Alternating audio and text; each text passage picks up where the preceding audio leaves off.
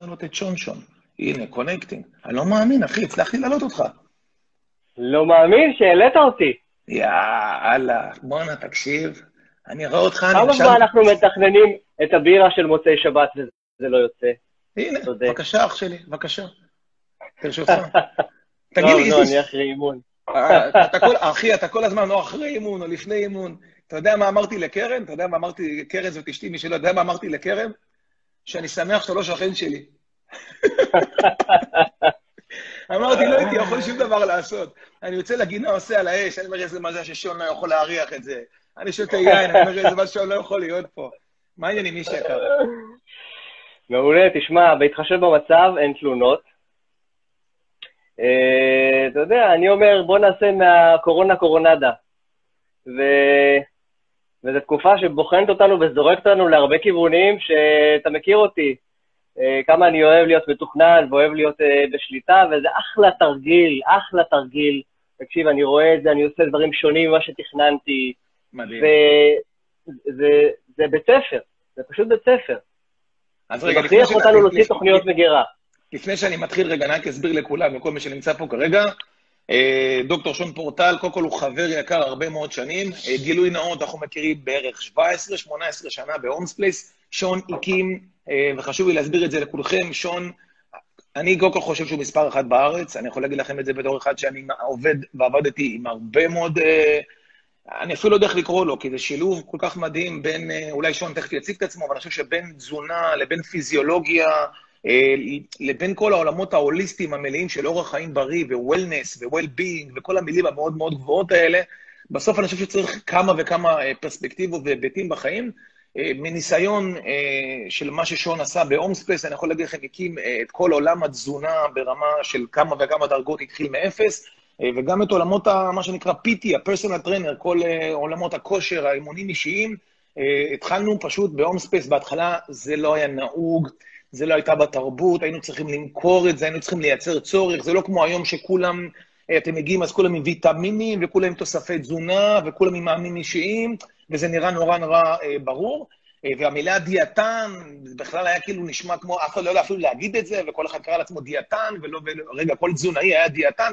בקיצור, היה סמטוחה, הגיע האחד והיחיד, הגרמני, דוקטור שון פורטל, אה, ויצר סדר בכל הבלגן הזה. עכשיו, כמובן, אתם יודעים שלפני הלייב הזה, אז כמובן ששון שלח לי שאלות, אבל אתם יודעים, לי זה קשה קצת ככה, אבל אני אהיה תלמיד טוב, ואני אעמוד לפי כל ה... ואני באמת אנסה לעבוד לפי כל השאלות ששלחת לי, ואני אני רק רוצה אבל משהו אחד קטן, אה, לפני שאני מתחיל את השאלות. תראה, אני מכיר אותך הרבה שנים, ואתה, מה שנקרא, נאה דורש... וואו-אה, רגע, עכשיו זה כבר נהיה רציני. שנייה, רגע. נהיה לי עכשיו חם מהשאלות שלך. כשאני רואה את ה biceps, אחי, אז אני מתחיל להבין שזה רציני. אבל בוא ניכנס רגע פנימה. אה, רוב הקהל שלי זה אנשי מכירות ואנשי עסקים, או אנשים שרוצים להיות אנשי מכירות ואנשי עסקים, אנשים שזה העולם שלהם, ואני חושב שאחד הדברים שיש כרגע זה סטרס. ואחד הפעולות הראשונות שהייתי רוצה זה כי אתה, אתה, אני מכיר אותך הרבה שנים, ואצלך הראייה היא לא רק תזונה ולא רק אימון גופני, אלא באמת איזשהו well-being, אז, אז אני מעביר את הכדור אליך. רק נתחיל רגע שאלה ראשונה על סטרס, שאני אשמח לשמוע איך אתה רואה את המצב הזה כרגע. אני הולך לתת לך כדור אנטי-סטרס תכף, אבל לפני זה ככה אני רוצה רק לדייק את מה שאמרת אה, קודם. אה, אנחנו מכירים ב-All Place, שם הייתי אחראי על מערך האימון, האימון האישי וכולי. אה, עזרתי בחלק של התזונה כי הייתה שם מישהי בשם רונית טואף שעשתה עבודה מדהימה ואני עזרתי לה בתחום הזה, אז הקרדיט הוא לה בתחום. נדייק את העניין. בכל מה שקשור ל... לעולמות התזונה, אני לא, אני לא יכול להגיד לך ש-20 שנה בתחום, התואר הראשון שהיה בווינגייט, באימון גופני, התואר השני שלי, פיזיולוגיה של מאמץ בית ספר לרפואה, זאת אומרת, המשך של הנושא של האימון, והדוקטורט הוא בתזונה קלינית. אני לא יכול להגיד היום שאני יכול לדבר רק על תזונה בלי להיכנס לעולם התנועה והאימון, ואני לא יכול לדבר על אימון בלי לתמוך בזה בתזונה, אני פשוט לא יכול. זה, זה מתחבר וזה מתערבב לי כל הזמן. ברור. ואני עושה את זה ככה כבר שלושה עשורים, יא ביי, מרגיש לי זקן, אבל, אבל זה נכון. אה, ואני יודע שמה שאני אומר ואמרתי פעם, זה שני דברים שונים. זאת אומרת, היית שואל אותי פעם מה הכי חשוב, או אה, אה, מה הכי בעייתי בתזונה, היינו אומרים שומנים, זה שנות ה-90, אחרי זה אמרנו אה, סוכרים, היום אני אומר לך לא זה ולא זה, כי תסתכל, יש תרבויות בעולם, תסתכל על הצרפתים שאוכלים גם סוכר וגם חמאה, וגם, והם יחסית בריאים עד שהקורונה דפקה אותם. אבל uh, מהבחינה הזאת זה לא אומר שאתה בסיכון להשמנה או, ל, uh, uh, uh, או בכלל בעיות רפואיות, כי זה באמת מכלול. זה מכלול של סטרס, זה מכלול של תזונה, של אורח חיים שאנחנו מסתכל של פרספקטיבה, ואני קורא לזה תרבות.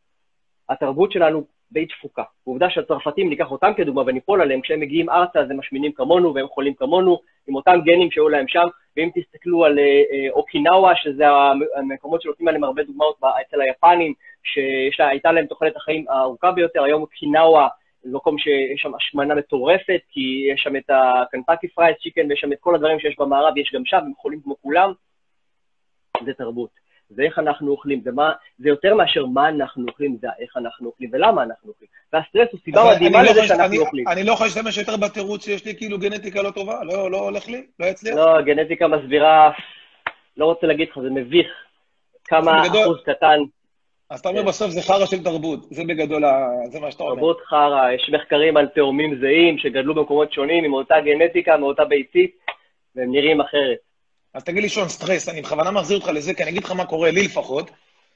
אני יודע מה הפעולות שאני עושה ברמת הסטרס, אבל אני אגיד לך מה, אבל גם כל הסדר היום שלי השתנה לגמרי, אה, ואני אשמח, הכל השתנה אצלי. אני מסתכל, דרך אגב, אני רואה אנשים, אני אערבב אותך רגע בכמות, ואתה תכוון כבר איך לעשות מזה סדר, ואני רואה אנשים התאהבו בלישון, אנשים ישנים הרבה יותר, אה, אנשים שותים הרבה יותר אלכוהול, אני רואה את זה, אה, אנשים עושים הרבה פחות פעילות גופנית, ותוסיף על זה את הסטרס הכלכלי, אז אני מעביר את כל הבלילה הזאת אליך. זה כיף. בוא נראה מה יצא לי מזה. תראה, מה שאנשים יודעים, אנשים, בבסיס זה אנשים צריכים שליטה וודאות.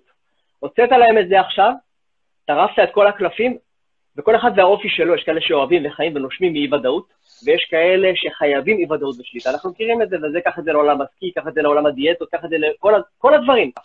עכשיו, חלק גדול מהאנשים אוהבים את הוודאות, השליטה ואת את הרווחה הכלכלית, או כל מה שיש להם, את הנתונים שיש להם. פתאום הוצאת להם את זה, זה בעיה. עכשיו אנשים מייצרים, וזה מה שאני עובד עם מטופלים במרכז, אצלנו, היום הרבה יותר באונליין ובסדנאות, אבל, אבל זה הבסיס, היה וגם יהיה עכשיו, וזה גם שיעור בשבילי, זה לבנות סדר יום חדש. זאת אומרת, לקחת את הבלגן שיש לך ולנסות לשים בו איזה שהם קווים. באמצע יש הרבה בלגן, אבל התחלה וסוף. אחד מהדברים שאנחנו עושים כשאנחנו לא במסגרת של זמן, אנחנו קודם כל מבטלים את הנושא של השינה. כמו בסופי שבוע, פתאום אנחנו ישנים טיפה יותר מאוחר וקמים טיפה יותר מאוחר. והמחקרים האחרונים בתזונה, אם אני חוזר לתרבות ואני מחבר את הכל, כל הנקודות, אז אנחנו יודעים שיותר קשור מאשר מה אתה אוכל, זה מתי אתה אוכל. ואם אתה ישן מעט, או מזיז את השעון הביולוגי שלך, קצת דוחף אותו שעתיים קדימה כדי שיותר מאוחר, כי יש תוכניות לילה ויש הופעות ב-12 בלילה, ונחמד, אני לא חייב לקום להיות ב-6 בשום מקום, אז אתה משפיע על המטאבוליזם שלך, אתה משפיע על העמידות לאינסולין שלך, אתה גורם ל... ל... אתה יוצר סטרס, עוד לפני שאתה בסטרס מנטלי, אתה יוצר סטרס על הגוף. כי כמו בג'טלג, כשאנחנו מזיזים את השעון, הש... השעון הביולוגי מתחרבש, העמידות שלו נדפקת, ואם אנחנו רוצים לשמור על עצמנו מבחינת מערכת חיסון, שזה מה שאנחנו הכי רוצים, בסופו של דבר, בואו לא נשכח את זה, לשטוף ידיים זה, זה נחמד. אבל מה שאתה רוצה, מה שיבדיל בין אותו בן אדם שאולי לא נדבק בשבוע הראשון וכן ידבק בשבוע השלישי או החמישי, זה השינויים שיש לו במערכת החיסון, בהינתן אם הוא חשוף לאותו וירוס. ואם אנחנו ישנים מאוחר, אנחנו דופקים את מערכת החיסון. היא עושה איתחול כמו הרבה מאוד מערכות בלילה, שעושות איתחול עם תא שרירים וההורמונים, ובכלל, מערכת החיסון עושה שם איתחול. ואם אנחנו ישנים לתוך, לא, מזיזים את השעון הביולוגי, אומנם ישנים שש-שבע שעות, לא משנה, מה שהיינו רגילים, אבל יותר מאוחר, אנחנו נדפקים מזה, אנחנו צריכים להיות מסונכרנים עם החושך ועם האור. אנחנו יצורי יום. אנחנו לא יצורי לילה. המחקר מלמד אותנו בשנים האחרונות שיעור מאוד משמעותי, שאנחנו אוכלים יותר בלילה וחיים יותר בלילה, אנחנו הרבה יותר חולים, הרבה יותר אה, מעלים את רמות הסוכר, וזה פוגע במערכת החיסון שלנו. אנחנו הופכים להיות חשופים הרבה יותר, וההבדלים יכולים להיות מיום ליום בתגובה לאיך ישנתי, מה אכלתי. אתה יודע, ככה אנשים, תוריד להם שינה לכמה ימים, לא ישנים, פתאום כואב להם הגרון, הם חולים יותר בקלות, בגלל שמערכת החיסון לא עשתה את האתחול הזה שלה. אתה יודע, יש במערכת החיסון זה דבר מאוד מאוד מורכב. שוב, אני לא, לא רופא ולא מתיימר לתת פה לאף אחד איזשהו אה, רצפט או משהו, אה, אבל אני רוצה לבוא ולומר, במערכת החיסון יש הרבה מאוד רכיבים, כאלה שהם מערכת החיסון המולדת ומערכת החיסון שלומדת, ש... זאת שמפתחת את הנוגדנים. יש לנו תאים שנקראים Natural Killers. יש מחקרים שיראו שלילה אחד, אם אתה ישן קצר מדי או לא טוב, 4-5 שעות שינה, יש לך ירידה של 70% ברמת ה-Natural Killers, אלה שסורקים אותך ועוזרים לראות אם יש פתוגנים, אם יש וירוסים, ומגנים עליך מפניהם. זאת אומרת, לילה אחד יכול לגרום לך להיות כבר מוטה, ולמערכת החיסון שלך לא לעשות את העבודה שלה. תוסיף לזה אם אתה גם רגיל לאכול בלילה, או התרגלת לאכול בלילה, או לשתות אלכוהול בלילה. עכשיו, כולנו עושים את זה, אבל השאלה באיזה מידה ובאיזה תדירות. בואו, אני לא אומר בואו נפסיק לחיות, ממש לא, ממש לא, ממש לא. אני תכף אדבר על עוד כמה פרמטרים בנושא של תזונה ואורח חיים. הנושא של, ה, אה, של הביחד, של ה, להרגיש, אתה יודע, אה, עם המשפחה, עם הבן זוג, לשבת לאכול ולעשות דברים כאלה, היא מאוד מאוד חשובה בקטע הנפשי גם. לא סתם אנשים, אתה יודע, יש להם את הביטוי של אוכל מנחם, או, או, או מזון כזה או אחר שהוא קשור יותר לאמוציות, כי אוכל מחבר אותנו, תמיד, בכל השמחות, בכל האירועים, משמחה ועד אבל, תמיד תמצא אוכל. אנשים יודעים שזה מחבר אותנו, ועכשיו בתקופות של אי-ודאות, בתקופות שבהן יש לנו בעיה עם הנושא של השליטה, לאן נלך? ישר לאוכל. וזה מביא אותנו לכמה, לחיבור של כמה בעיות. גם מערכת חיסון שלא כל כך עובדת, כי אנחנו לא ישנים, כי אנחנו ישנים פחות. ואגב, המחקרים, אתה יודע על כמה מדברים? כמה שעות שינה? רגע, לא רק ישנים פחות, גם ישנים יותר, אתה אומר. אתה יודע, יש כאלה שעדיין ישנו אה, מאוחר, אוקיי? ולא תמיד יקומו יותר מאוחר. וגם אם עושים את זה וישנים את השבע או שמונה שעות, שזה נגיד מה שצריך, אבל אם לא עושים את זה בשעות שהגוף צריך את זה, או קצת מנמנמים על הספה במשך היום, יש לנו את האפשרות, אתה יכול לנמנם טיפה כמה דקות, בכיף, להמשיך לעשות עוד שיחת וידאו, או מה שזה לא יהיה. גם זה משפיע על איכות השינה בלילה. כן, אבל אני שואל שאלה רגע על שנות, שעות שינה, כי אתה מדבר על מערכת חיסון כרגע, ואני מסתכל, בוא ניקח דוגמא את הבת שלי, אוקיי? ולבת שלי יש גם סוכרת, ואני רואה אותה כרגע, עכשיו, אתה יודע, בסוף אנחנו כולנו בבית, אף אחד לא יוצא מהבית. אז הילדים, אני מסתכל עליהם, הולכים לישון בשלוש, ארבע, זה השעות שלהם, וקמים באחד, שתיים. עכשיו, היא גם ככה בקבוצת סיכון, אז מה שאתה אומר לי כרגע, עזוב רגע את הדבר הזה, אתה יודע, הם קמים בצהריים, אני, אני באופן אישי לא מסוגל לקום אחרי חמש וחצי, שש, אבל זה כאילו ה... זה כאילו אני, אני בחמש וחצי, לא משנה מתי אני הולך לישון, חמש וחצי, שש, אני כבר מתחיל לכתוב ולעבוד, ואתה מכיר אותי את הדרך שבה אני פועל ויוצר כל הזמן, אבל היא, מה שאתה אומר נעשה כרגע, שהיא פוגעת כבר במערכת החיסונית, שהיא גם ככה בסיכון. נכון. יש אה, אה, שעונים ביולוגיים, זה גם דברים שמשתנים עם הגיל. קח תינוק שנולד, הוא צריך 20 שעות שינה ביממה, תינוק שרק נולד. השעון הביולוגי של המתבגרים הוא יותר מאוחר משלנו, אגב. זה נורמלי ותקין בשבילם לישון קצת יותר מאוחר ממה שאנחנו חושבים, לא צריכים לישון בתשע, אגב. זה קטע, כי רוב ההורים, אתה יודע, אנחנו שולחים את הילדים שלנו לישון בתשע, עשר, אחת עשרה, כי יש להם בית ספר, אבל זה מנוגן לקטע. הם צריכים לישון טיפה יותר מאוחר, ככה מסונכרן השעון הביולוגי, וזה על סמך מחקרים, ולקום יותר מאוחר. לא הייתי אומר באחת, אבל זה בסדר שהם גם כן נשנו מ-12-1 ויקומו ב-10 או בשעות האלה, זה כן בסדר. אנחנו כמבוגרים צריכים את זה יותר מוקדם. עכשיו לך תנחרן okay. אוקיי. בית כזה, אתה רוצה לישון מוקדם, היא עד מאוחר, אבל בכל מקרה, אם היא לא תישן טוב, אז היא מפריעה למערכת החיסון שלה לעשות את העבודה, והיא בקבוצת סיכון, והיא חייבת לתמוך בזה. עכשיו, יש ארבעה פרמטרים שאני יכול לדבר עליהם שקשורים למיטוב מערכת החיסון. אחד זה שינה, אוקיי? השני זה תזונה, השלישי זה ניהול סטרס באופן אקטיבי, תכף אני אדבר על זה, מה זה אומר, והרביעי זה הפעילות הגופנית שלנו. אלה ארבעה מדדים.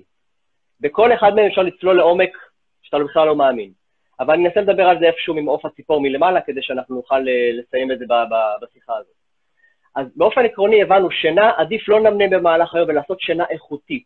אם אנחנו מדברים על שינה טובה, אנחנו צריכים, יש מה שנקרא היום בסיס, מה שנקרא היגיינת שינה. זה מושג שמדברים עליו בשנים האחרונות, כי אתה יכול להיות במיטה אותן שעות, אבל לא לתת למערכת החיסון לעשות את העבודה, או למערכות אחרות להתחיל את עצמן מחדש. אנחנו יודעים שמחזור שינה טוב נמשך 90 דקות, כדי שהוא יגיע לשלב השינה העמוקה, לשלב החלום, ושם קורים כל הדברים הטובים שאתה רוצה שיקרו. אז 90 דקות של מחזור, יציאה ממנו, מין הקיצונת קלה, ואז צלילה לעוד אחד, צריכים בערך חמישה כאלה של 90 דקות, זה מביא אותנו לשבע וחצי שעות. אם אתה רגיל לישון שש שעות, חביבי, אז זה כי אמרו לך בצבא שזה מטכ"לי, זה שש שעות, ומאז זה התקבע לך בראש, ואתה מרגיש, וואלה, היום ישנתי שש שעות, פש, אני מבסוט, אז לא. ופה אני מחבר אותך ואותנו לעולם שאני מתעסק בו בשנתיים האחרונות, שזה anti-aging. פה אתה גוזר על עצמך הזדקנות מואצת. עלייה ברמה הדלקתית, עלייה ברמות סוכר, עלייה ברמת הענה, אי יכולת לשלוט בתיאבון שלך יותר, או הרבה מאוד מדדים שהיית רוצה לשלוט בהם ואתה חושב שאתה חי טוב, אתה לא חי טוב. אם חסרה לך השעת שינה הזו, אתה לא עושה איתחול מלא, אתה פוגע בזיכרון. ויש מחקרים מדהימים שזה קשור, היום חוקרים את נושא הקוגניציה בגלל שיש עלייה בתוחלת חיים ואנשים חיים יותר, פתאום מה אנחנו רואים יותר? אנחנו רואים מופעים הרבה יותר משמעותיים של מחלות כמו אלצהיימר ופרקינסון. אבל למה? הם פשוט, הם היו שם תמיד, זה לא שזה יותר גרוע היום. פשוט תוחלת החיים שלנו עולה, ואלה מחלות שמופיעות בגילאי 70, 80, 90, ויש לנו יותר אוכלוסייה שחיה שם. פתאום אנחנו אומרים, וואו, יש לנו הרבה יותר חולים כאלה באוכלוסייה, מה נעשה? כי אנחנו יודעים שהמגפה הבאה שלנו זה אלצהיימר. כי אנחנו קולטים מה הולך להיות, תוחלת החיים עולה, היום היא 84 לנשים, 82 לגברים, וכל שלוש שנים אנחנו הולכים להוסיף עוד שנה לתוחלת החיים שלנו, בגלל האמצעים הרפואיים שיש לנו. זאת אומרת שתאורטית, אנחנו נגיע לגיל 95-100, והילדים יעברו את זה, תאורטית, כן? ואנחנו רוצים לדעת איך, מה מחכה לנו שם בקצה, ואנחנו יודעים היום שלילה אחד דפוק, קצר, מעלה את הנוכחות של ישנם חומרים שנקראים בטא-אמילואיד במוח, לא משנה ש, שאם עושים scanning של מוח, רואים נקודות לבנות, הם מצטרפים כמו פלאק, כמו פלאק ש, אה, של, של חלקים במוח שהלכו לאיבוד, הם לא שמישים. רואים את החומרים האלה מופרשים בנוזל עמוד השדרה בתוך לילה אחד, אם אתה ישן לא מספיק, כבר רואים את החומרים האלה מצטברים לך שם, כבר אפשר לראות מוחות של אנשים ב-MRI שישנו שש שעות, לעומת כאלה שיש לו שבע וחצי שעות, בגילאי 50 אתה רואה מוח אחר, יותר חלקים שכבר התחילו למות, והמופעים האלה של המחלות הולכים להופיע מוקדם יותר. זה לייפסטייל. אז, אז, אז, אז מה שאתה אומר לי, אז מה שאתה אומר לי, שון, כרגע, שהשש שעות שינה שהרגעתי את הגוף שלי לישון, דרך אגב, אתה צודק, מהצבא, אז מה שאתה אומר כרגע, שאני חייב לחזור לשבע וחצי שעות שינה שלי, כי זה יעזור לי גם לעתיד שלי, זאת אומרת, גם למה שאני עושה כרגע קדימה, גם לרמת הסטרס שלי, אוקיי? וגם למת, באופן כללי למטאבוליזם, סטרס, מטאבוליזם ל, למה שאני נכון, עושה. אם, בודק, אם בודקים לך את רמת הקורטיזול, שזה הורמון סטרס, רואים מה הרמה שלו אחרי חמש שעות, שש שעות או שבע שעות שינה, ורואים שהוא יורד ככל שאתה ישן יותר. נכון שיש אנשים שיגידו, אבל אני רגיל לישון, אה, זה נקרא short sleepers, אני רגיל לישון חמש שעות, אוקיי? ויש כאלה שצריכים שמונה, תשע. יש עניין של מה הרגלתי את הגוף. עשו מחקר מדהים, לקחו לצפון, בצפון אמריקה אנשים, נטרלו אותם מחשמל, נטרלו אותם מאורות, משעונים, מכלום, הם היו רגילים לישון שבע שעות, פחות או יותר, ושמו אותם, הם לא ידעו יום או לילה, הם הסתנכרנו לסביבה שלהם, לאט לאט, ובתוך שבועיים ומשהו, הם העלו את השינה שלהם לקרוב לתשע שעות. תשע שעות. עכשיו, בחברה המודרנית, מי מרשה לעצמו? אם תשע שעות, תגידו, מי זה הבטלן הזה? אתה לא תרשה לעצמך, מבחינת הערכים שלך והמוסר שלך, להגיד, בוא'נה, תשע שעות, הפרחתי במיטה, מה, מה הדבר הזה? לא, אני אגיד לך מה יקרה לי, אני, אני אגיד לך מה יקרה לי, אתה יודע, קודם כל אנחנו רוצים לדבר עוד על תזונה, ניהול סטרס ופעילות גופנית, ואני לא רוצה להיכנס פנימה עמוק מדי לדברים, כי אני יודע שאיתך אפשר להיכנס עכשיו ל... אני מכיר את האנציקלופדיה שיש לך בראש, אז אני יכול להיכנס לזה, אבל אני אגיד לך מה יקרה לי, אני, אני לא, באמת לא מצליח... תן לי לשפוך. לא, אתה, אני אמרתי לך, אתה, אני מכיר אותך, אחי, אתה... אני, אני מציע לכולם רק להקשיב לך. אבל אני אומר, כאילו, בסוף אני לא, אני לא רגיל לזה, אתה יודע, אני צריך לשנות משהו בהרגלים נכון. שלי, בשביל להוסיף לעצמי עוד שעה ואחרי, אני לא יכול... אני, כן. אני לפני, עד לפני, לא יודע מה, שבע שנים, שמונה, איפשהו ככה בסוף הדוקטורט, הייתי רגיל לישון ארבע, חמש שעות. מוכר לך? הייתי, רציתי להספיק מרתון, אתה יודע, הקמתי קליניקה, עסק, עניינים, ילדים וכאלה, ואתה יודע, אדרנלין עשה את זה. וזה לא משנה, היה לי ורט... ורטיגו, איבדתי שמיעה באוזן, קרה לי, הבנתי שהייתי בקצה, לא הרגשתי שאני, אתה יודע, אז הייתי עשר, הייתי מתרסק יום, יומיים בשבוע, אבל ממשיך מהאנרציה, אתה יודע, של העשייה, פשן, נו, אתה מכיר את זה. וקיבלתי החלטה מאותו זמן, אז מ-4-5 שעות העליתי את זה ל-6 וחצי שעות, ואני מנסה לגנוב ימים מסוימים בשבוע, 7-7 וחצי שעות, אבל זה תהליך שלקח לי הרבה זמן, מתוך החשיבות של כמה זה חשוב. ערך בעיניך, אתה רוצה לעשות את זה. שזה יהיה ערך בעיניך לאכול, כמו שאני תכף אדבר איתך, אז פתאום אתה תעשה את זה, אתה יודע איך זה. אבל שזה כאילו משהו שרוב טוב, נו, צריך לעשות, אבל זה לא ברמת הערך, אתה יודע, לא נתמיד בו. אם זה הופך להיות דת, זה נורא קל, כי אתה נורא מאמין. אתה יודע, מי כמוך שון שלוקח ו- ומעביר אלפי אנשים בשנה תהליכים, יודע שהמודעות זה השלב הראשון, אבל זה עוד לא הטמעה. בין המודעות להטמעה, אתה יודע שה... אבל אז אתה מתאמן על זה. אוקיי, אז שאלה כאן... אבל אתה מתאמן על זה עוד ועוד, וזה המסגרת. אז אני אגיד לך משהו, אחי. הוספת לי שעה וחצי שינה, זה הדבר הנראה לי היחיד שתוסיף לי במהלך השיחה הזאת. אז הוספת לי שעה וחצי שינה, אני צריך לתרגל את זה. עכשיו בוא תתחיל להוריד לי. אנחנו הולכים לתזונה, ניהול סטרס ופעילות גופנית, הכל כדי לייצר מערכת חיסונית יותר טובה. אז תזונה? יפה.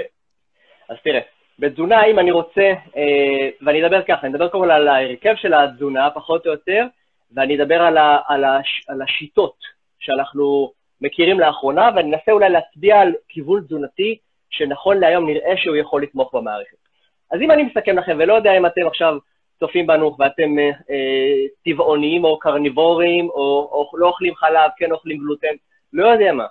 אם אני רוצה לקחת איזשהו קו שהוא גיידליין, שהוא כזה חוצה מגזרים, אני אומר את הדבר הבא, תאכלו מגוון, אל תאכלו כל פעם את אותה ארוחת בוקר, לא, לא, לא. מערכת החיסון זקוקה להרבה מאוד רכיבים. זה לא רק ויטמין C, זה הרבה מעבר לזה. אז אני לא יכול אפילו למנות לכם כמה דברים. אולי טיפה שנדבר על תוספי תזונה. אה, שתיים, מזון טרי. יש לנו זמן, והנה הקורונדה של הקורונה. פה אנחנו יכולים להכין לעצמנו אוכל טרי. יש חשיבות עליונה, גם לבקרת משקל אגב, אוקיי?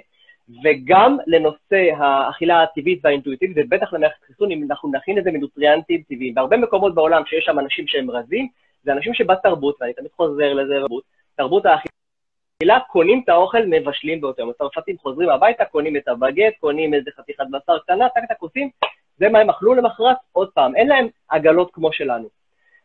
לאכול אוכל טרי. תאכלו אוכל טרי, תאכלו אוכל מגוון, ותאכלו אוכל לא מעובד, לא מתוך שקיות מרשרשות, אפילו אם כתוב לכם שזה 200 אחוז protein. לא. דברים שאתם רואים שאתם עשיתם אותם, שהכנתם אותם, שהם לא רשרשו ולא קפאו יותר מדי זמן בפריזר. זה הבסיס, אני יודע שיש את ה-80-20 ויש קצת מסביב, לא מעניין, תתמקדו בעיקר.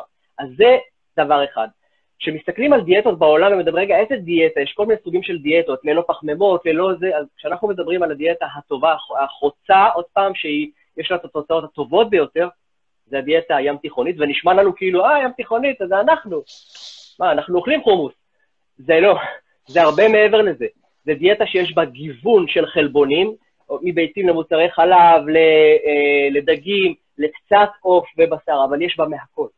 זה דיאטה שיש בה אה, קטניות, דגש של קטניות, אלה קיבלו, את, אה, הפוקוס על קטניות עלה בשנים האחרונות, מכל הסוגים. תשרו, תבשלו, מי שעוקב אחריי בסטורי רואה, אני מכין, אני לוקח משרה, שם את זה בנינג'ה, עושה חומוס ביתי, דבר מדהים, יש בזה פחמימות, יש בזה חלבונים, זה אחלה דבר, וטעים, ואל תכינו כמות גדולה לשבוע, תכינו, תכינו כמות קטנה, מחר תכינו עוד פעם, עוד יומיים תכינו עוד פעם.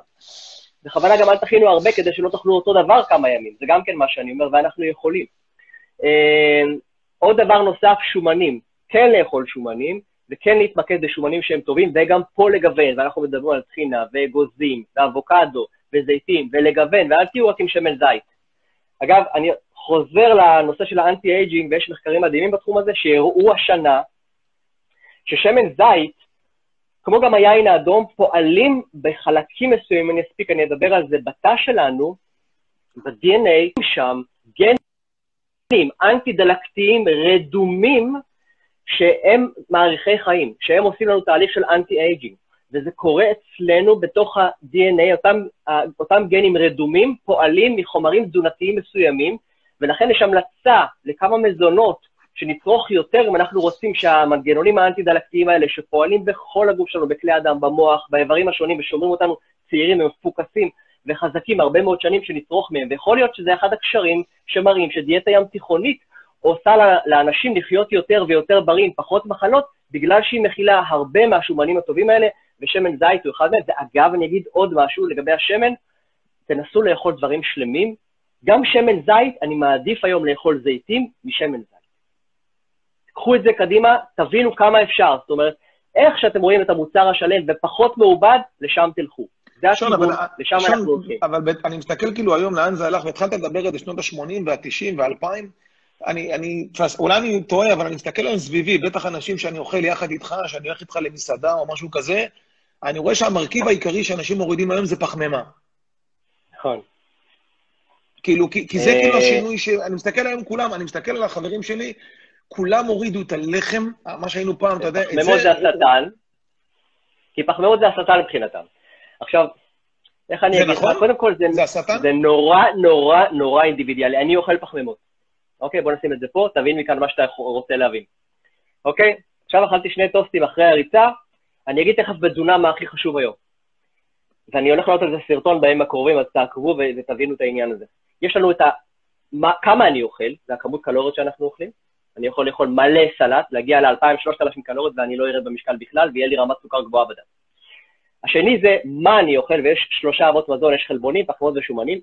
יש מניפולציות שונות שעוזרות לאנשים לשלוט במשקל שלהם, כי כשהם חתכו את הפחמימה, אז נשאר להם לאכול רק שני דברים, אז הם, כנראה הכמה שלהם יהיה נמוך יותר באותו יום, כי כמה חלבונים אתה יכול לאכול בשומנים, אז הרבה אנשים מרזים רק בגלל זה, אוקיי? אבל יש מניפולציות שונות, שאם אתה מוריד חלבון, או אם אתה מוריד פח, אה, פחמימה או מוריד שומן, קורים דברים אחרים בגוף. אני אגיד את זה לא בהיבט של הרזייה בהכרח, שנייה, אני אגיע לזה. והדבר השלישי הוא חלון האכילה, זאת אומרת, מה התזמון? מתי אכלת את האוכל שלך? אם פיזרת אותו מי שפתח את העיניים ועד שסגר את העיניים, או אכלת הכל בבוקר, או הכל בערב, וואו, זה שיא המחקר של השנים האחרונות, ומי שמכיר את הצומות של ה-8-16 וכולי, יש הרבה מאוד מחקר של compressing של האוכל שלך לפרקי זמן מסוימים, ועכשיו אני אדבר על הבריאות, ברמה הבריאותית, רגע, לאו דווקא ברמה של ירידה במשקל. שנייה רגע לפני זה, אבל שנייה רגע לפני זה, כי אני גם רואה את השאלות של האנשים פה, בחלק מהזה, אז אני, אני כבר אומר לכולם, חבר'ה, חלק מהשאלות אני בטח לא נוכל לענות על כולם היום, מי שאינסטגרם זה גג עד שעה, אתם מכירים את הלייבים האלה, אחרי שעה זה סוגר אותנו, אז אני מציע לכם לעקוב אחרי שון, אבל חלק מדברים שנגעת, למשל הצום לסירוגין הזה, ה-8-16, בעד, נגד, אני רואה שכולם מדברים איתי וגם פה יש כמה שאלות על זה. ברור, אני, אני הולך להגיע לסוף, אבל טוב שאתה שואל, שאלה מצוינת. אז כשאנחנו דיברנו על הכמות, דיברנו על האיכות, חלבון, פחמן ושומן, ודיברנו על המתי לאכול, זה המשולש הזה שאני מצייר אותו ומדבר עליו.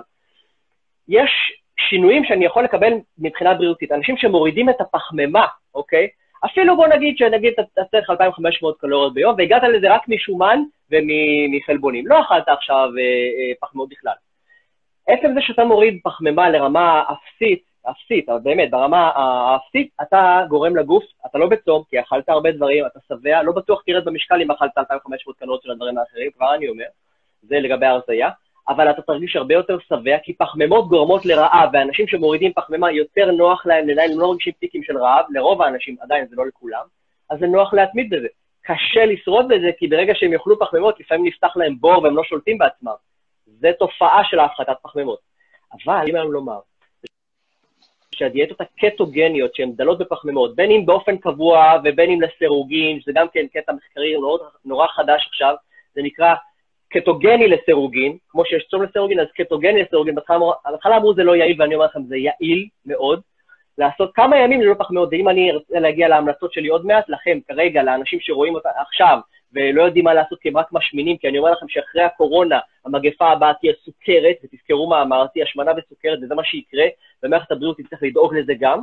אז אם אני מסתכל על הקטע של הפחתה של פחמימות, מה שאנחנו יודעים, נוצרים חומרים בשם קטונים. אוקיי? זה חומרים דמויי אצטון.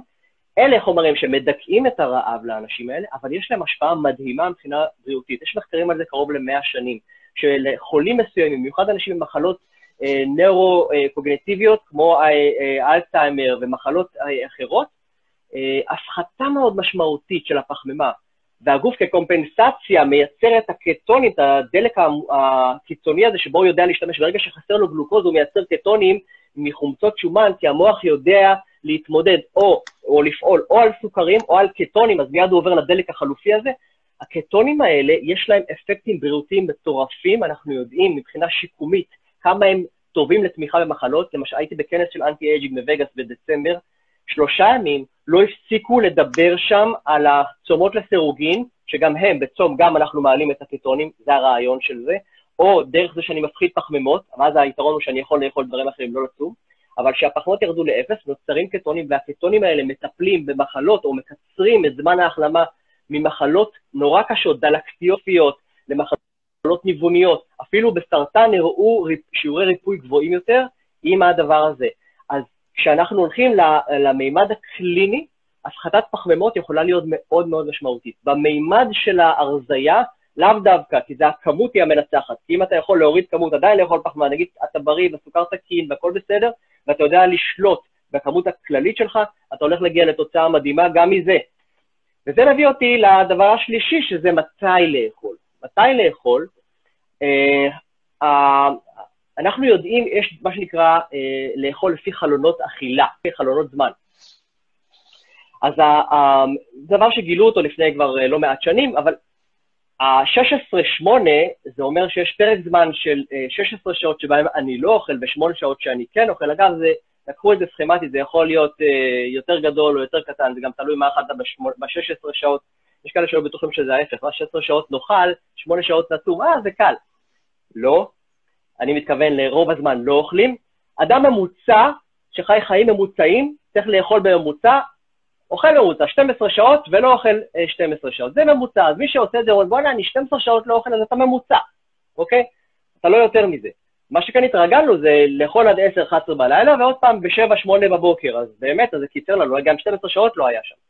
היתרונות מתחילים אחרי 12-14 שעות לפחות, עוד פעם, כתלות במה שאכלתי, אבל אני יכול להגיע למצב שכבר בפחות מזה, הגוף שלי כבר מתחיל להוריד את רמות הסוכר לעצמו, נכנס לסוג של צום, וכבר אז הקטו, החומצות קטו שלו עולות, והוא עושה את כל התהליך הזה של הריפוי כבר שם. אם בארוחה האחרונה שלי אכלתי ארוחה קטנה, נגיד סתם דוגמה, אכלתי בשמונה או בשבע בערב ארוחה פיצית, הארוחה הגדולה הייתה בצהריים, והארוחה האחרונה הייתה אפילו בלי פחמימות. קמתי בבוקר, כבר בעשר, בשמונה בבוקר כבר אני מדולל מפחמימות, כי אני כבר לא אכלתי אותה משעה. אז אתה נכנס פה לאיזשהו תהליך של קטו ראשוני, ואז אתה מושך עוד קצת ואתה מגיע לתוצאות מצוינות מהבחינה הזאת של הפחתת סוכר. עכשיו, אני לא אתן פה את המתכונים איך אפשר לעשות את זה, כי זה מאוד משתנה, ומה שאני אמליץ לך, שאתה עושה ספורט, שאתה רץ ואתה מרים משקולות, זה משהו אחר ממה שאני אתן למישהו אחר. אז אני לא יכול לבוא ולהגיד, אני רק יודע. לבוא ולומר בגדול, תגדילו את חלונות הזמן, תוודאו שאתם אוכלים אה, פחות זמן מאשר אתם לא אוכלים, תכווצו ותגדילו. כל יום ראשון אתם מוזמנים לעשות איתי את האתגר. אני עושה אתגר של יום ראשון. למה יום ראשון? כי זה אחרי סוף שבוע. מי שיסתכל אצלי בסטוריות, תראה מה בישלתי, מה הכנתי, כמה, כמה דגים עשיתי אתמול וסטייקים שעשיתי היום. אה, יראה מה שאני עושה ביום ראשון. יום בשבוע להגדיל את שעת הצום בשעה אחת. אז אנחנו כבר ב-18 שעות, אוקיי? וזה ממש יפה, ואנשים שבהתחלה אמרו לי, איך, תשע בבוקר אני לא אוכל, נופל לי הסוכר, איך אני אעשה אימונים? לאט לאט, וכל שבוע הוסיפו שעה אחת ליום ראשון, כבר לא אוכלים עד הצהריים, אני אומר, אה, לא, לא, שכחתם לאכול, תתחילו לאכול משהו. אנשים אומרים שלא רעבים כבר. רגע, זה מדהים לבקרה. אז שון, אתה עכשיו בבוקר קם ולא אוכל? לא כל יום. אני לא עושה את זה כל יום. יש ימים שאני מתחיל לאכול מאוחר, יש ימים שאני מתחיל מוקדם ומסיים מוקדם, אוקיי?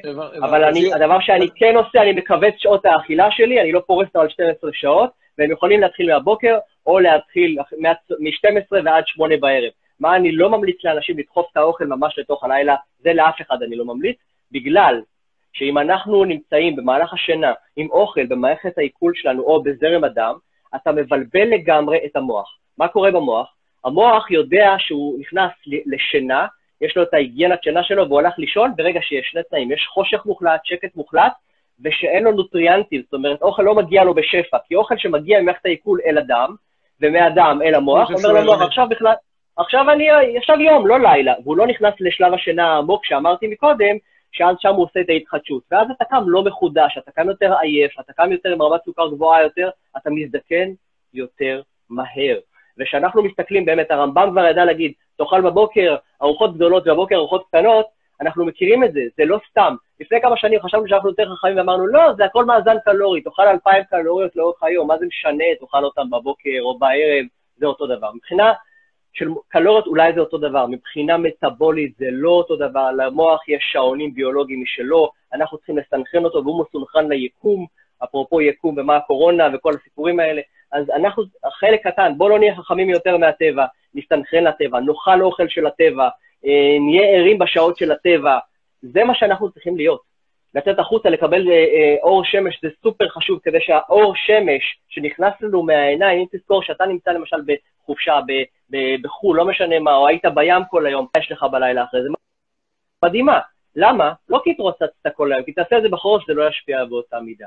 כשאנחנו נמצאים בשמש ואנחנו חשופים רבע שעה, ותעשו כל יום בבוקר רבע שעה מול אור שמש ישיר, בלי משקפי שמש, ודגש בלי משקפי שמש, אחרי צהריים כן, בבוקר לא, השמש שהפחידו אותנו ממנה כל כך, נכנסת לנו דרך, דרך הרטינה, דרך העיניים, אל המוח, היא מעלה את רמת הסרוטונין במוח, זה חשוב לאנטי דיכאוני, זה חשוב להוריד סטרס, ואתה יודע, סרוטונין הופך להיות בלילה מלטונין, שזה הורמון השינה שלנו. אז אנחנו שמחים ביום ונרדמים מעולה בלילה שהיינו חשופים למנת שמש ביום.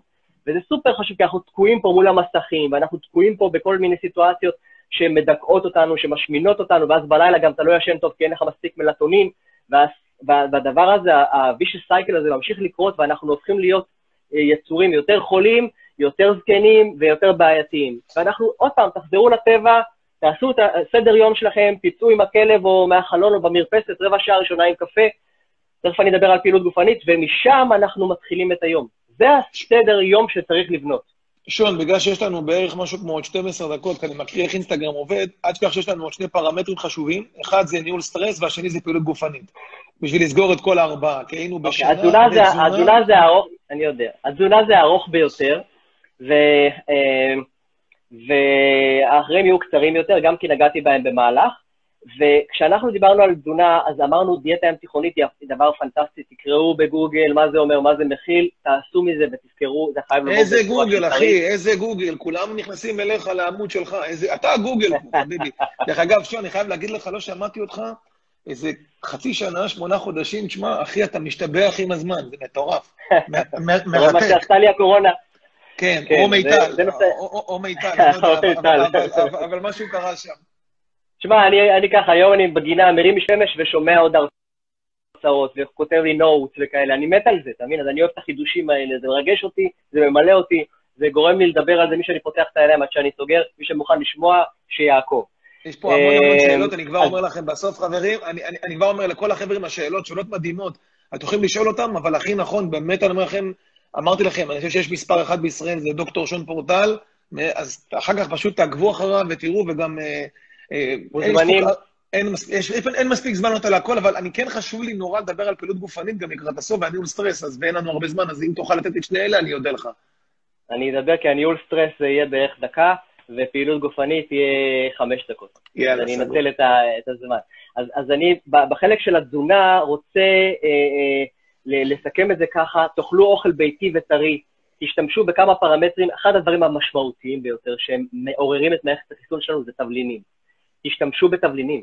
תבלינים כמו קורקום, כמו קינמון בתוך התה עם תה ירוק, כמו ג'ינג'ר בכל מיני מצבים. אני, יש לי מתכונים באתר, יש לי ספריית מתכונים מטורפת בתוך האתר, תקישו בגוגל שון פורטל מתכונים, תגיעו למתכונים, מנות ראשונות, עיקריות, מרקים, קינוחים, מה שאתם רוצים.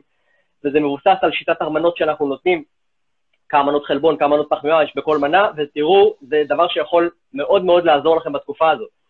להשתמש אה, אה, בצלחות קטנות, כי אם אתם לא מגדירים צלחות קטנות ושמים ערימה גדולה, המוח מבחינתו אכל צלחת אחת, הכמות תהיה גדולה והמשקל שלכם יעלה בהדרגה, כי אתם לא שורפים, חכו לחלק של הפעילות הגופנית.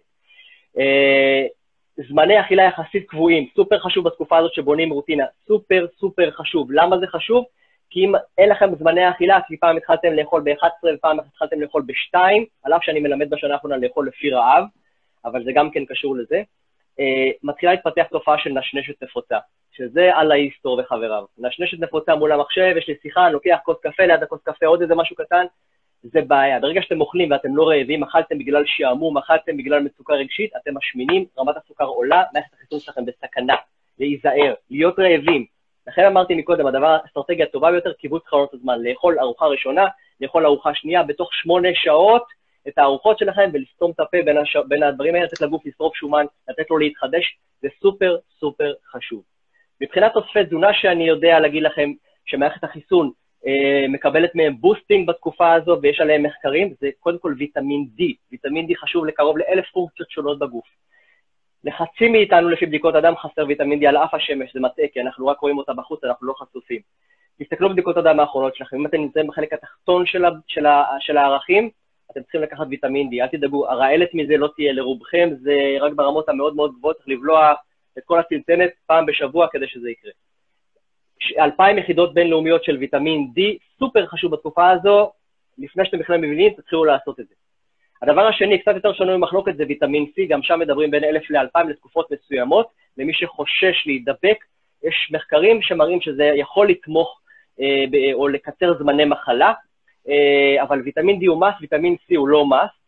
אה, מה שעוד חשוב זה אבץ, זה מינרל שמאוד מאוד משפיע על מערכת החיסון, הוא מפריע לווירוס לבצע התרבות. וירוס זה DNA שחודר לתוך התאים שלנו, רוכב על מערכת ייצור החלבונים, כי לווירוס אין מערכת משלו, הוא מתעלק עלינו, הוא משכנע את הגוף שהוא משלנו, והגוף מייצר עבורו חלבונים, וככה הוא משתלט על התא והולך לתא הבא. זה וירוס. האבץ אה, פוגע במערכת ההתרבות של הווירוס, ולכן זה חשוב לקחת אבץ כרגע, קרוב ל-30, בין 15 ל-30 מיליגרם, תלוי במשקל הגוף וכולי. אבל קחו איש מקצוע שיתאים לכם את הכמויות. אה, אז זה מהבחינה הזו, זה מה שיש לי לומר על התזונה, יש לי עוד דברים כמובן, אבל אני רוצה לרוץ הלאה כי הבטחתי, ואנחנו, כמה אנחנו בזמן? מה נשאר לנו? יש לנו, יש לנו עוד שבע דקות, אבל לי חשוב, אני אגיד לך מה, אני מכיר אותך, אני, אחת הסיבות שאני מאוד אוהב אצלך זה ההוליסטיות.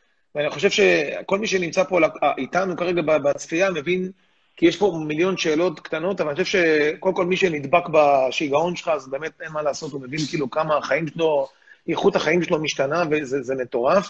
אבל אני חושב שכאילו אצלך השילוב היחיד, אתה יודע, כשאתה הולך לדיאטן, אז הוא מדבר איתך מאוד מאוד חד-חד ערכי. אני לא נגדם, כן? אני לא נגד אף דיאטן, הכל נפלא, גם אתה עושה את זה, אבל אצלך אתה מקבל איזשהו משהו, אתה יודע, תראה מה דיברנו, על מערכת חיסונית, ועל הזקנה, ועל השינה, ועל אורח חיים, ועל תוספת, יש פה משהו סלם. אני חושב אבל בזמן שנשאר לנו, כן, אני חושב שאחד הדברים, תראה, נורא קשה לעשות פעילות גופנית במאה מטר הזה. ואני פוגש כאילו הרבה מאוד אנשים שכאילו קיבלו פתק מהרופא, של כרגע תקופה של לישון יותר, לאכול יותר ולעשות פחות. ואם אנחנו מדברים על הרמת סטרס, שאני רואה אצל אנשים, בטח אצל אנשי עסקים, שגם ככה ברמה כלכלית מאוד מורכבת להם, ואני, אתה יודע, מהבוקר עד ערב מדבר על עסקים ועסקים ועסקים, אחת הסיבות שרציתי להביא את מספר אחד בארץ אליהם, זה שכאילו, זה לא יותר ויותר ויותר, זה לשמור על האיזון הזה, דווקא בפעילות גופנית בתקופה הזאת. כן. אז הניהול הסטרס הוא סופר חשוב, כי מערכת החיסון עובדת כשהיא נמצאת בהפוגה מסטרס. אנחנו, לא, אנחנו כיצורים מתוכננים לפעול, לרדוף, או לברוח מנמר או לרדוף אחרי טרף, להיות בדופק גבוה, באדרנלין גבוה, ואז לנוח. מה שקורה לנו עכשיו זה מצב של סטרס קבוע, לחץ קבוע שאין בו הפוגות. כשאנחנו עושים הפוגה, אפילו אם אתה רעב או אם אתה עייף, זה סוג של סטרס, ואחריו בא ה recovery, המערכת מתאוששת, ככה היא רגילה לעבוד. ברגע שזה נמצא קבוע, אפילו לא מרבי, אבל קבוע, ואין לזה הפוגה, אנחנו לא עושים ריסט למערכת, ואז מתפתחות מחלות כרוניות, אז לחץ הדם עולה, אז יש השמנה, אז יש עלייה ברמת הסוכר. כל הדברים האלה הם תגובה לסטרס כרוני, לכן הן נקראות גם מחלות כרוניות, הן נשארות שם קבוע. ההתנהגויות שלנו והתרבות שלנו הן אלה שיוצרות את זה. לכן באופן מודע, אנשים צריכים להבין שהם מכניסים להם ללו"ז בהתחלה, עד שזה ייכנס להם לרוטינה, מספר פעולות קצרות שמורידות סטרס. אחרי כל שיחת וידאו, למשל לשמוע, יש כמה דברים שאנחנו יודעים במחקר, שהם מאוד מאוד עוזרים להוריד הורמוני סטרס, ואפילו לכמה דקות עשיתם את העבודה. אחד זה הומור, תראו סרט, אה, אבל קומדיה או משהו עם הילדים, לא עוד סרט מתח, תתנתקו מהטלפון לחצי סרט אפילו ותצחקו קצת. צחוק ידוע שהוא עובד, יש את זה במחלקות אונקולוגיות, מביאים ליצנים רפואיים. אתם מכירים את העניין הזה, זה לא סתם, זה מחקרי, הדבר הזה. זה מוריד הורמוני סטרס, לצחוק לכמה דקות ביום. זה נורא קשה לנו כרגע. חוו את הטלוויזיות, שלא יחשבו לכם כל היום לחץ, לחץ, לחץ, לחץ. זה לא טוב, זה בונה לנו איפשהו בראש את הסטרס הזה, ואנחנו נהיים חולים יותר מהר, ואנחנו גם לא שורפים מספיק, אז בכלל. הדבר הנוסף שאפשר, מוזיקה. כשאתם עובדים, שימו לכם מוזיקה באוזניות, שימו מה שינתק אתכם לכמה דקות, זה מפריש הורמונים שמשחררים לחץ, אוקיי? אה, ופעילות גופנית כמובן. גם זה דבר שגורם לפרוק את המתחים, ותכף נדבר על זה מילה. אה, שינוי של mindset, יש אפליקציות מדהימות שיעזרו לכם להוביל את עצמכם למדיטציה, שבע דקות לפני שינה, יש מלא אפליקציות כאלה, ממש ממש חשוב להשתמש בהן, שזה יעזור לכם לישון. זה נקרא גם, זה עוזר להיגיינת שינה, אתם נכנסים לשינה יותר עמוקה, תעשו מקלחת חמה ושינה, לא לישון שבעים מדי, זה יפריע לשינה. לישון אה, אה, איפשהו מאוזן באמצע, מקלחת, מדיטציה שבע דקות, ההרפיה תחדש לכם את הגוף, זה יוריד לכם סטרס, ואתם תהיו מוכנים לבוקר. תקומו בבוקר, להיות בשמש רבע שעה, לשתות הרבה נוזלים, להתחיל לאכול בארוחות מסודרות, תמריצו את מחזור הדם שלכם בבוקר, תעשו פעילות גופנית, תכף נדבר, אם זה במאה מטר או, או לא, אבל שם, תכניסו את הגוף לרוטינה כזאת, הסוכר ירד, הסטרס ירד, אתם תעברו את התקופה הזו הרבה יותר חדים, אתם תהיו פרודוקטיביים הרבה יותר. כי, כי תיגמר התקופה הזו, השאלה איך רוצים לגמור את התקופה הזו, גם מובטלים וגם חולים, כאילו, מה העניין? אז זה לא הזמן. אתם, המוח עובד יותר טוב. היום שמעתי על מחקר חדש שהגישו בקשת גרנט ל-NIH לקבל אה, עליו תקציבים מטורפים. מחקר מדהים שעושים בחו"ל, שהולכים לבדוק וראו קשר בין הפעילות של השריר לקוגניציה. כשהשריר עובד והוא מפריש חומרים מסוימים שמגיעים למוח, זה שומר על המוח להיות צלול להרבה יותר שנים. איך שהשרירים מפסיקים, תראה אנשים שיוצאים לפנסיה, מפסיקים לעבוד עם הגוף שלהם, לא עושים שום דבר עם הגוף, המוח נופל להם עשר רמות. זה לא רק בגלל שהם פחות עסוקים. הגוף חייב לעבוד על הבוקר, לעשות פעילות מסוימת, והפעילות, אם נדבר על הפעילות, מהי? אז כל פעילות שיכולה להגביר לכם את הדופק, והמחקרים מראים, אם אני מדבר על מערכת חיסון, כרגע לא על פעילות שתגרום לכם להרזייה, זה סיפור אולי אחר, יש לזה מינונים אחרים, תעקבו מה אני כותב, תראו בדף אינסטגרם שלי איפשהו אחורה, ואני גם אעלה על זה עוד, והשבוע אני הולך לעשות כמה פוסטים על תזונה, סטרס ושינה, על נושא של קורונה, ואני אעלה בהרחבה כל אחד מהם. אנחנו יודעים שבין 6 ל-60 דקות, זה הפעילויות, כל מה שהוא מאמץ גופני בטווחי הזמן הזה משפר את התפקוד של מערכת החיסון. כשאנחנו עושים מאמצים קצרים מזה, המערכת החיסון לא מספיקה להתעורר, כשאנחנו עושים מאמצים גדולים משעה וחצי, זה מין עקומת יו הפוכה כזאת, יש פגיעה במערכת החיסון. ריצות ארוכות או מאמצים קשים, ואני מאמן, אתה יודע כמה לקוחות יש לי שעושים איש ברזל ומרתון וכולי, ויש היום תמונה של אה, לקוח שלי שהעליתי באינסטגרם שעשה היום מרתון ליד הבית, כי הוא היה מתוכנן לעשות מרתון בחו"ל שהתבטל, אז הוא אמר, טוב, אם כבר, אז כבר, ותראה מה זה נחישות של בן אדם, כבר התאמנתי, אז אני כבר אעשה.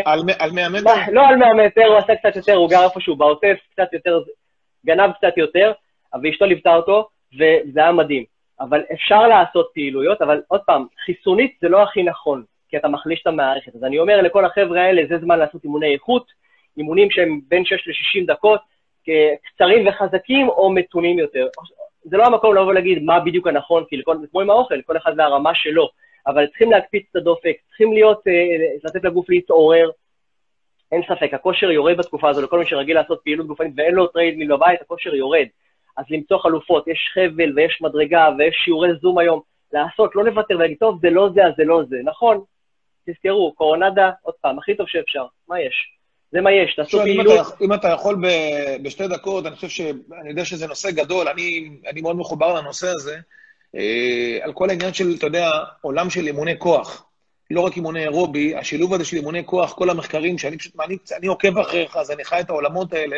אני אם אתה יכול שתיים, שלוש דקות, ההיבט הזה של אימוני כוח, לא רק אימונים אירובים, הכוח, הגמישות והאירובי, השילוב של שלושתם, אז אני חושב שגם יהיה פה איזשהו משהו חזק. זה שלושת המרכיבים המשמעותיים ביותר, ממש המשמעותיים ביותר. אה, אה, שאנחנו מגדירים את הכושר. יש לכושר הגופני שמונה מרכיבים שונים, קורדינציה ועוד כל מיני שיווי משקל וכולי, אבל המרכיבים הדומיננטיים באמת זה כושר אירובי, אה, שבו אני מקפיץ את הדופק לפרקי זמן של שבע דקות וצפונה. איך אפשר לעשות את זה? ציינתי כמה אפשרויות מקודם, ממדרגה בבית וריקוד עם הילדים וכולי, אבל שהדופק יהיה אירובי ולאורך זמן. כוח סופר חשוב, וכוח אפשר לעשות בבית, כל אחד ורמתו הוא, עם גומיות או עם TRX אה, או עם משקל גוף, יש מלא אפליקציות, אני הולך לצלם בקרוב גם כן ולעלות כי יש דרישה מלקוחות שלי המון המון המון, אז אנחנו גם נעלה ונעשה משהו אה, בתקופה הקרובה. אה, אבל אימוני כוח, היתרון שלהם שהם אימונים קצרים והם יכולים לתת, להפעיל את השריר. והשריר, כמו שאמרתי, מפעיל גם את המוח, יש קשר בין חומרים שמופרשים משם, מורידים דלקתיות בגוף, הם עוזרים לנו המון המון המון לבריאות כללית, ואנחנו יודעים שאימוני כוח לאורך זמן יעילים, ויש הרבה חוקרים שאפילו אומרים שזה יעיל יותר מאירובי, אבל פה אנחנו אומרים, לא צריך להחליט, אפשר לעשות גם וגם, אז זה מצוין. עכשיו, אני יודע שטחנתי עם הרבה מאוד אה, אה, אה, חומר, אבל זה באמת על קצה המזלג. לא, אני אגיד, לך, אני, אגיד לך מה, אני אגיד לך מה חשוב, בלי רגשון, לפני שאתה מסיים, לי חשוב דבר אחד, תראה, אה, הקהל שלי, לא, לא יודע אם כל הקהל שלי מכיר אותך. אני מכיר אותך וחי אותך ונושם אותך הרבה מאוד שנים, אה, ואני חושב שזה כאילו, לי באופן, לי באופן אישי שינה המון דברים בחיים האישיים שלי, וכל מי שמכיר אותי יודע שלאכול אני מאוד מאוד אוהב, לשתות אני מאוד מאוד אוהב, אה, ואני לא בטוח שאני הדוגמה תמיד, אני אומר, הכי טובה, וכשאני יוצא עם שון, אז תמיד כאילו אני מרגיש, אה, אני מרגיש יותר טוב לכמה דקות. תמיד אני מרגיש יותר טוב, כי אני, מה לעשות, אני, אני בן אדם שחי, מאוד מאוד דינמי, וכשאתה נמצא עם שון, כשאתה בא עם שון, אז אתה יודע, הקליפר שלך... לא נעים, לא זה. כן, אז אני יודע שאני מבסס. כן... תסתכל באינסטגרם מה אכלתי היום, ובוא תגיד לי אם אתה מסוגל לאכול מה שאכלתי היום. אני אגיד לך, אח שלי... כי אני נגעתי על קצה המזלג, אבל אני אומר, התזונה הטובה ביותר, על שם אני מכוון, היא כנראה התזונה שהייתה בטבע איפשהו, שיום אחד אכלנו פחות, וזה האתגר שאני עושה בימי ראשון, ותעקבו אחרי זה, זה יעשה לכם הכי טוב. לאכול יום אחד פחות ולאכול יום אחד הרבה, וזה מה שאני עושה בוויקנד, אני אוכל הרבה יותר, אוקיי? הרבה יותר, אמנם בחלונות זמן, 500 אה, גרם אה, דג או סטייק או משהו, זה לא דבר שהייתי אוכל פעם, אז אני יכול לאכול היום ארוחות מאוד גדולות, ואחרי זה גם לא לאכול כמה שעות. זה כנראה הדבר הטוב ביותר, כי בטבע פעם תפסנו ציד ופעם לא אכלנו יומיים, וככה הגוף שלנו בנוי, ועצם זה שלימדנו אנשים תאכלו כל שלוש שעות, די הרגנו אותם. זה אחד מהדברים ששייכים ל-80's ול-90's, ואנשים צריכים להיפטר מהדבר הזה. אתה יודע, אני רוצה להגיד לך משהו, אה, זה, יש לי פה חבר טוב, קוראים לו רוני, אז הוא כותב כמה אנרגיה, כמה תובנות. עכשיו, בגלל שאני מכיר אותו, אז אני יודע שהוא אומר את זה תוך כדי שהוא דופק שקית במבה. אני מכיר אותו, הוא אומר לי כמה אנרגיה, הוא כותב לי כמה אנרגיה, כמה תובנות, והוא כרגע על הבמבה, אני בטוח, ושותה כמו שצריך. יש במבה ויש במבה עם חלבה, אז אני לא יודע, אתה יודע, לכל דבר יש היררכיה. שון, שאלה עסקית לי אליך, באמת, אני באמת לא, לא מכיר, כי לא היינו בקשר איזה כמה חודשים ברמה העסקית, אנחנו בקשר ברמה החברית. סדנת אונליין, יש לך כבר? לא מאמין שאתה שואל אותי. תקשיב, אני מזמן רציתי לעשות סדנה כזו, לא התפניתי, כי יש לנו מרכזים באבן יהודה ובתל אביב, מלאים וזה, ואני אומר, טוב, אתה עסוק בזה, אתה יודע, תפעול זה לא החלק שאני מת עליו, אתה מכיר אותי עוד מתקופת און ספייס, אתה רב תפעול ואני, אה, זה ממני והלאה, תן לי לקרוא מחקרים. והתקופה הזאת פתאום נתנה לי את האפשרות הזאת, כי אנשים, אתה יודע, רצו את הייעוצים באונליין, רובם לא אה, אמיצים להגיע מספיק, וזה בסדר גמור, אבל אני גם מקבל אנשים בקליניקה, אבל הרבה אנשים מרחוק ובווידאו, וזה פתאום, וואלה, אתה יודע, נתן לי פה את הפסיליטי ואת הזום וכולי. אמרתי, תכננתי, באמת תכננתי, נשבע, תכננתי לפתוח סדנה בחמישי לחמישי, אחרי יום העצמאות זה יוצא איפשהו. ואמרנו, טוב, נפרסם, וזה, אחרי החג יש זמן. פתאום קרתה הקורונה, בתוך שבוע, תקשיב, בתוך שבוע אמרנו פותחים סדנה, בום, התפוצצה לנו סדנה. אונליין? לא, אונליין. כן, זום, עשרה מפגשים. עכשיו, זו סדנה היברידית, כי אתה מכיר אותי, אני אוהב יותר, אני לא אוהב כללי לכולם. אז אין אצלי, תהיה עכשיו בקהל, אני אתן לך הרצאה, אני לא יכול לדבר עם אנשים ככה. אתה חייב לעבור אצלי ייעוץ אישי, אז ההתחלה זה ייעוץ אישי, עם דיאטנית או איתי שעה. אבל זום. זום, כן. אה, אוקיי, שעה, יופי. אתה מקבל תפריט, ומשם כל שבוע ממשיכים עם אתגרים וקבוצה בזום, אבל חייב אז להיות... רגע, אז, אז לפני שאני שואל אותך, אז לפני שאני שואל אותך איך מצטרפים לזה, ואני, ואני אומר לך שאני רוצה... הסדנה התחילה השבוע, אה, הסדנה התחילה כבר? ביום ראשון, אבל כבר, כבר, כבר אנחנו אה, יודעים שיש מחזור הבא שהולך להיות בתחילת חודש הבא, במאי. אה, אוקיי, כבר, כי אנחנו רואים מה היה, ואנשים יוכלו להצטרף אחרי. אבל שאלה עסקית, כי קודם כל אני אשמח לדעת מי שרוצה לקוח ולהצטרף, אבל תגיד לי רגע, שאלה עסקית אליך, זה אומר שאת הקליניקה שלך במגדו אתה סוגר? לא. לא, אה? לא. אני אדבר איתך, אני אעשה איתך פעם לייב על זה, אחי. אני ברמה העסקית, אה, אם תרצה, נעשה לייב רק על עסקים, רק על עסק, אני אומר לך, תחשוב אני, אתה יודע, מנטור בתחום הזה, אבל אני מאוד אוהב, אני אוהב לשמוע, כי אתה יודע, אתה, אתה מוביל מבחינתי בתחומים האלה, ומה שאתה יודע, אנשים ידעו רק עוד כמה שנים. אבל תחשוב, אחי, מה זה, מה זה, אני לא... להחזיק קליניקה במיקאדו, כמו שאתה מחזיק, אתה יודע, ב central של ה center של ה central, מי כמוך יודע, איך אומר, יודע. איך הבוקר טוב, כמה מתחיל הבוקר טוב שלך, כמה עולה הבוקר טוב, רק להגיד בוקר טוב לאנשים.